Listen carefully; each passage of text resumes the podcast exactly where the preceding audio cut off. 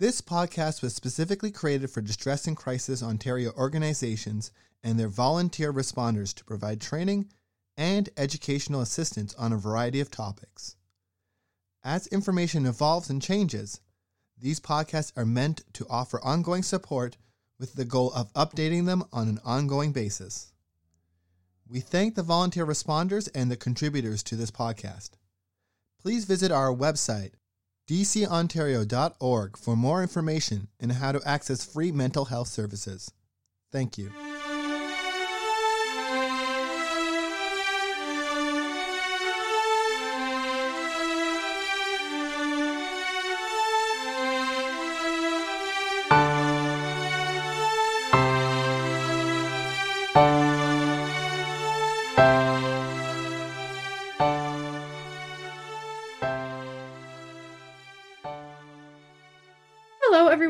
Welcome back to another DCO Discourse podcast. My name is Katelyn Doyle, and I'm the Communications and Marketing Manager here at DCO.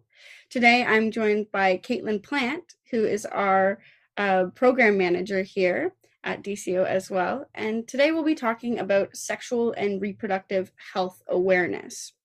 So, Sexual and Reproductive Health Awareness Day was back on February 12th. So, what is that, a week ago? And so that was aiming to educate individuals on sexual health issues, reduce the spread of STIs or sexually transmittable infections, transmissible infections. Uh, last week was also Sexual Health Week, running from February 12th to 16th. This year, the message is sexual health is for everyone.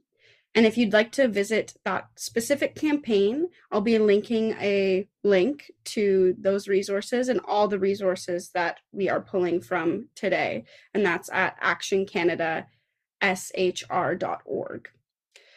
So here is a quote from Action Canada Sexual Health and Rights. Quote, we all have sexual health. And just like our physical health and mental health, sexual health is an important aspect of our overall well being. It's connected to more than just pregnancy or sexually transmitted infections.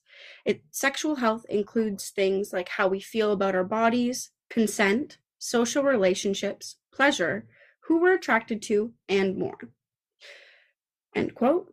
So obviously there are many nuances of providing a an overall positive healthcare experience for a diverse range of individuals. So, a positive healthcare experience means many different things to different people. And it's not just about following, you know, a perfect script of how this is supposed to go. You enter the room and these are the things that you say, these are the things you receive. But it's about enhancing our capacity to provide affirming care for everyone, regardless of their background or identity. So, while Canada does boast a universal healthcare system, we know that not everyone has access to the care that they need and or deserve. Uh, this inequity leads to health disparities that cannot be ignored. So in areas like mental health and sexual health, individuals often hesitate to seek care due to fears of stigma and discrimination or because of past negative experiences. So, today we'll discuss some information on sexual health as well as strategies to advocate for your own sexual and reproductive health. So, by fostering this understanding and empathy with each other, we can transform these healthcare environments into spaces where everyone feels respected as well as supported. So, as Caitlin mentioned already, obviously sexual health and reproductive health do intersect, and that's kind of a big part of sexual health when we're exploring this topic. Um, so, sexual health and reproductive health are interconnected in several ways, and understanding this intersection is crucial in advocating for proper health care. So, you can divide it into three kind of basic categories that's biological, behavioral, and social. Um, while there are definitely more categories that could fit in there, this is a good place to start. So, biological intersection means that reproductive health often involves aspects of sexual health, such as contraception, prevention of sexually transmitted infections, and other things that might impact one's ability to conceive and carry a pregnancy to term. Um, likewise, sexual activity can lead to pregnancy, of course, which is reproductive health. So, a behavioral intersection would include the fact that sexual behaviors directly influence reproductive outcomes. So, choices related to sexual activity, partner selection, and contraceptive use or lack of contraceptive use significantly impact one's reproductive health outcomes, uh, which can include the prevention of unintended pregnancies and or the transmission of STIs. Um, and then finally, the social interaction is really seen in the fact that both sexual health and reproductive health are influenced by societal norms, cultural beliefs, and access to healthcare services. So, societal attitudes towards sexuality, gender roles, and reproductive rights shapes individuals' experiences and outcomes in both domains. I think something that we can all kind of look to as an example of this is all of the things surrounding Roe v. Wade that's been happening in the US lately, and bodily autonomy and rights to choose and and the yeah decisions that have been made around abortion in many states and, and how that mm-hmm. impacts the healthcare safety of many women who end up having just vicarious pregnancies whether wanted or unwanted all of it all of it intersects so of course it's also important to recognize yeah that healthcare services addressing sexual health does also often encompass reproductive health and vice versa so things like family planning clinics might provide services related to contraception sti testing and pregnancy care which addresses both sexual and reproductive reproductive health needs. It's important that we consider both of these aspects because addressing only one aspect may overlook crucial factors influencing individuals' overall well being. Taking a holistic approach that considers both sexual and reproductive health allows for a more comprehensive understanding of an individual's healthcare needs. By addressing sexual and reproductive health together, healthcare providers can offer preventative care measures that encompass a broader range of concerns, such as contraception counseling, STI screening, screening, and preconception care, ultimately promoting better health outcomes.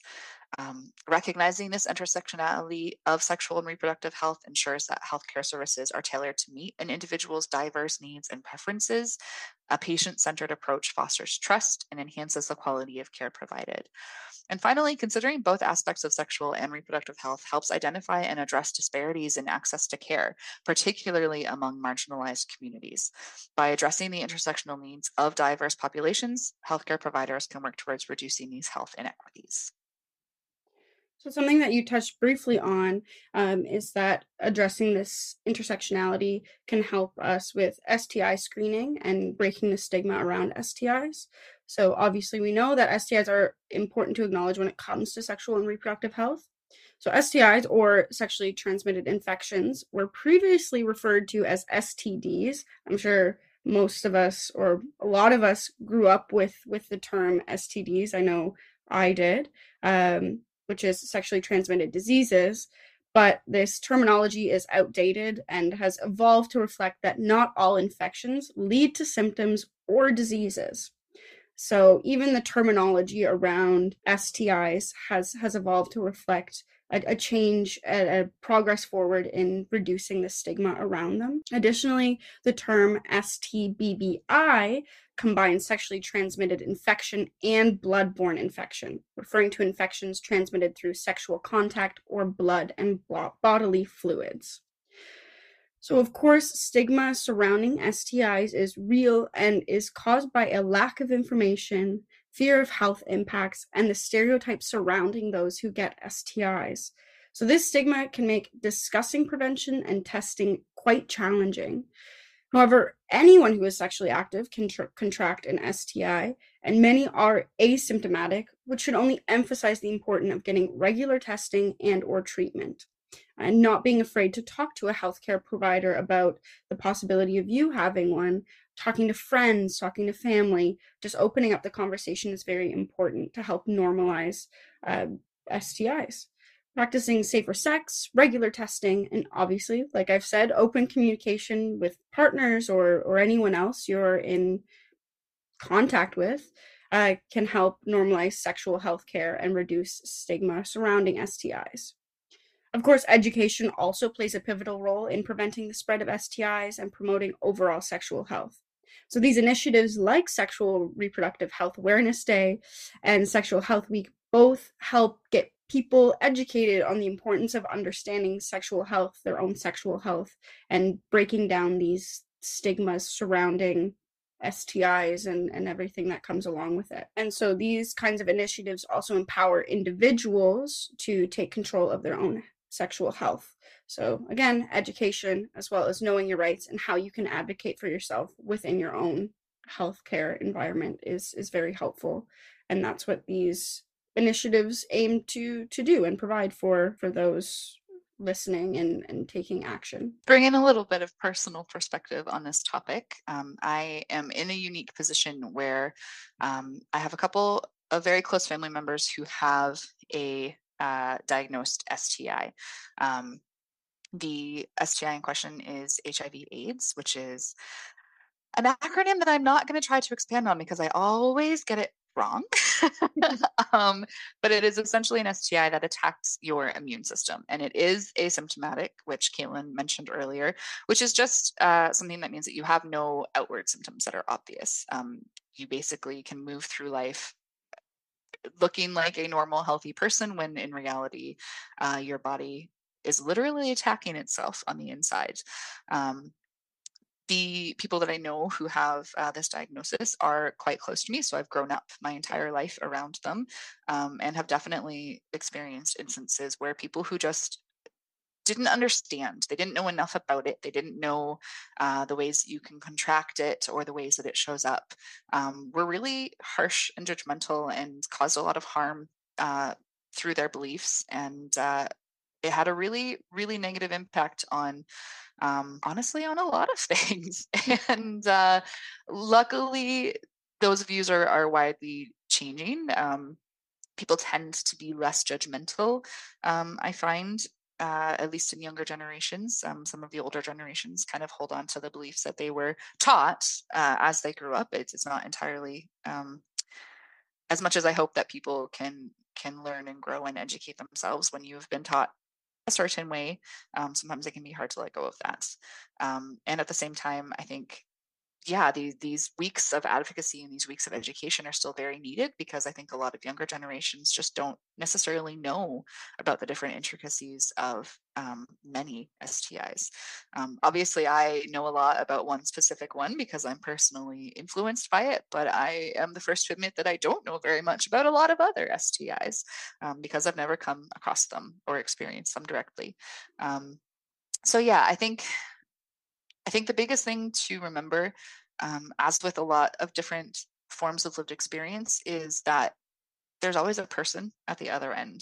Um, a person is not their diagnosis uh, in any way, shape, or form. They are not defined by whatever it is that they are struggling with, um, or maybe not struggling with, maybe thriving with. It might not actually be impacting them in any negative way. Um, and just approach conversations around sexual health and STIs and any other thing with respect and with understanding and knowing that, yeah, the person that you're speaking to is the expert of their own life. Um, and always, always try to, yeah, withhold judgment in any way that you can. Um, one of the things that Caitlin mentioned earlier is how disclosure of an STI can really impact medical care that you receive. Um, and one particular story that I have in that sense is that um, a mother who I know uh, was giving birth to a child, uh, there was a nurse who wouldn't even look at her, wouldn't acknowledge her when she walked in the room. Um, she literally like threw the baby around and like slapped the mm-hmm. baby and like was really, really disrespectful, really disrespectful because in her eyes, this mother having this STI meant that she was a certain type of person and that certain type of person didn't deserve her respect. Um, and that is absolutely heartbreaking. And so it really shows why some people choose not to disclose um, if they do have something, unless it's to someone who they trust very, very much. Um, so yeah, just kind of, yeah, again, just be respectful, try not to be judgmental, and and just be kind to people because yeah, an STI does not define who they are. Yeah, and it, it uh, this obviously for that nurse as well defined who that kid was as well, who that who that baby was, you know, just in in her treatment of of a child because of an STI, which is not not the end of the world at all. Um, so I, I think it's it's important to like know as well like what your rights are in accessing sexual healthcare services and reproductive healthcare services, um, knowing that there should be no discrimination, you should be treated with respect, accessing services in a safe environment can affirm who you are, your experiences, and what you chose to do with your body. Um, this non discrimination includes no racism, classism, homophobia, transphobia, sexism, fatphobia, ableism, ageism, or slut shaming. I just want to add something in here really quick. I don't mean to interrupt you, but no. also knowing that if you ever come across someone who does discriminate against you, knowing that it is their responsibility mm-hmm. to refer you to an appropriate healthcare provider.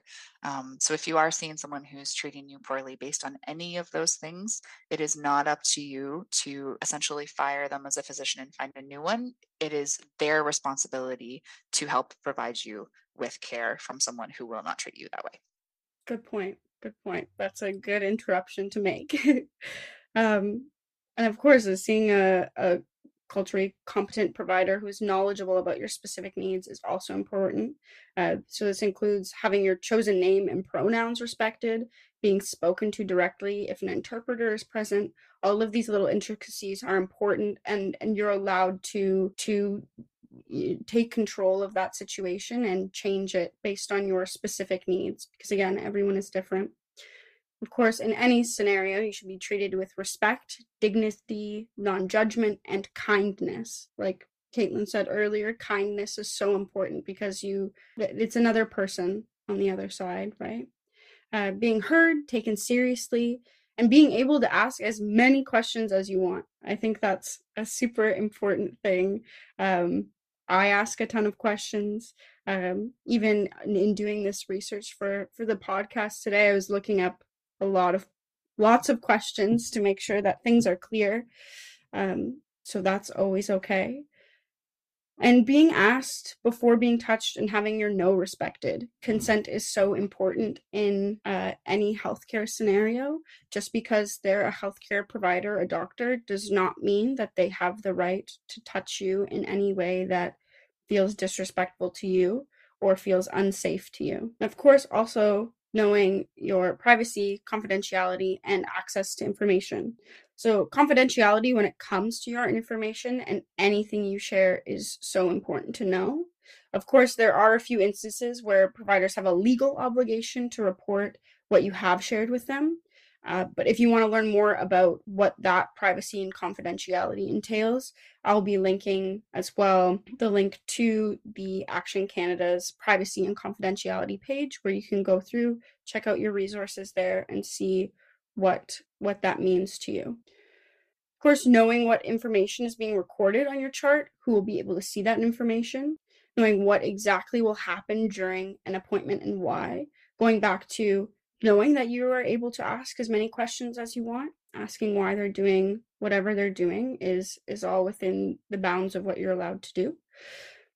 Knowing who is treating you who is part of your circle of care and being served in a language you understand including using plain language or asl is important. Also knowing that you can choose and refuse certain types of care choosing how the clinic will communicate with you after you impo- ha- pardon me choosing how the clinic will communicate with you after your appoint- appointment is important as well. Uh, if you want to call an email a letter anything like that how they treat you in the aftercare of your appoint- appointment is important. You can bring a support person or friend to your appointment asking for a new healthcare provider without explanation, and receiving timely referrals if your current provider cannot offer a service to you. Choosing the course of action that's best for you. Again, this includes refusing any care or service. You're allowed to refuse it. You can say no to anything, um, and they should be respecting that that consent, that re- accepting that no. Of course, there are a few exceptions to this including if you're under the age of consent for medical treatment or refusal where you live. That again is in the privacy and confidentiality page attached to the the Canada Action Canada. So if you want to look at that, you're more than welcome to. And of course, reporting and accountability. Of course, you can report a provider that does not uphold these rights. And like Caitlin said, it's their responsibility to find you a better care provider. Uh, that's not your responsibility. But knowing that by reporting this provider, you may be helping someone else in their healthcare experience. We can all help support each other in, in healthcare and making a safe space for everyone. And of course, accessing a clear and fair complaint and reporting process. Obviously, each clinic has a different complaint and reporting procedure. So each type of healthcare provider has their own professional college and, and what that looks like, which again is all on that privacy and confidentiality page if you'd like to take a further look at what that looks like for where you are, because they're all specific and, different depending on where you live here in Canada. Yeah. And in everything that Caitlin has covered, a major, major, major part of that is advocating for yourself and learning how to advocate for yourself and your health um, advocating for yourself within all healthcare contexts can ensure positive and respectful experiences, um, but especially when it comes to assumptions and stereotypes and biases that can influence interactions around sexual health um, with healthcare providers and really anyone providing care. Yeah, this stigma can really impact the quality of care that you receive. So, to address any of these possible issues, um, here are some tips on strategies for self advocacy. We've really given ourselves some uh, tricky words to pronounce this. I this know. week. I couldn't say appointment and important in the same sentence. So, so some of these strategies for self advocacy include bringing a support person. So having someone there that can help you in remembering questions, help you identify assumptions and affecting care, help you recall details afterwards. Um, that can really be there to back you up and and choosing the right support person is going to help with this. You don't want someone to like fully take over the appointment for you but to really only step in if and when you need it. Um, and even if that means kind of coming up with a safe word before the appointment like hey if i pull on my earlobe, it means that I really need you to step in and support me. That way, you are the one that's kind of taking the lead on that um, you can provide additional information. If healthcare providers only ask yes or no questions, um, it can be helpful to offer further details about personal experiences or situations to ensure a comprehensive understanding. Um, I think we all know there's nothing more frustrating than going to an appointment and feeling like you haven't actually been heard and feeling like you've been mm-hmm. brushed off. Um, so definitely be allow yourself to really kind of step up and say, hey, I feel like you're not listening to me. This is what I'm trying to accomplish.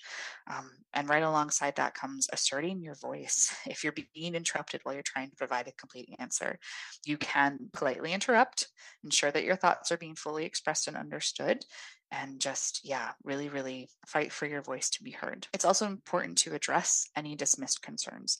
So, if those concerns are brushed off, um, you can really just speak up, express your uncertainty about whether or not you have been heard and whether things have been adequately addressed, which hopefully would prompt further discussion. And if not, at least you would want to follow the guidelines that Caitlin has already outlined on how to make a complaint. Yeah, following the steps relevant to whichever healthcare provider you're seeing. In cases where a healthcare provider says no due to conscientious objection, meaning that they might refuse certain services due to personal, moral, or religious beliefs, you still need to emphasize your right to a timely referral to a healthcare provider that will help you. Um, and it's the obligation of the institution to uphold your rights and still follow medical ethical guidelines um, yeah, so again, if you visit Action Canada, um, their website is fantastic in providing these practical guidelines and outlining outlining avenues for addressing concerns. They have plenty of resources. If there's anything that we mentioned within this podcast that you want to learn more about, that's where we got all of our information from. So if anything's unclear or you just want to learn more, uh, I found their website to be a fantastic resource, very easy to use, very accessible. Um, I'll link that in our show notes. But I'd just like to say thank you so much, Caitlin, for for joining me today and also sharing some personal anecdotes in this um, this podcast today. I know it's kind of a more or less heavy-ish topic. I think there's there's a lot of information to be shared so i think sometimes it can be bogged down with with just facts. So i i appreciate you bringing yourself to the conversation today which is why talking about it is so important because it's you know people it's people we know it's people within our own circles who um, are affected by by a plethora of things related to sexual and reproductive health. So i i do appreciate that. It's my pleasure. Thank you for having me. Awesome. And of course thank you all for listening today. Um, and i hope you tune in next week for another dco discourse podcast. Thank you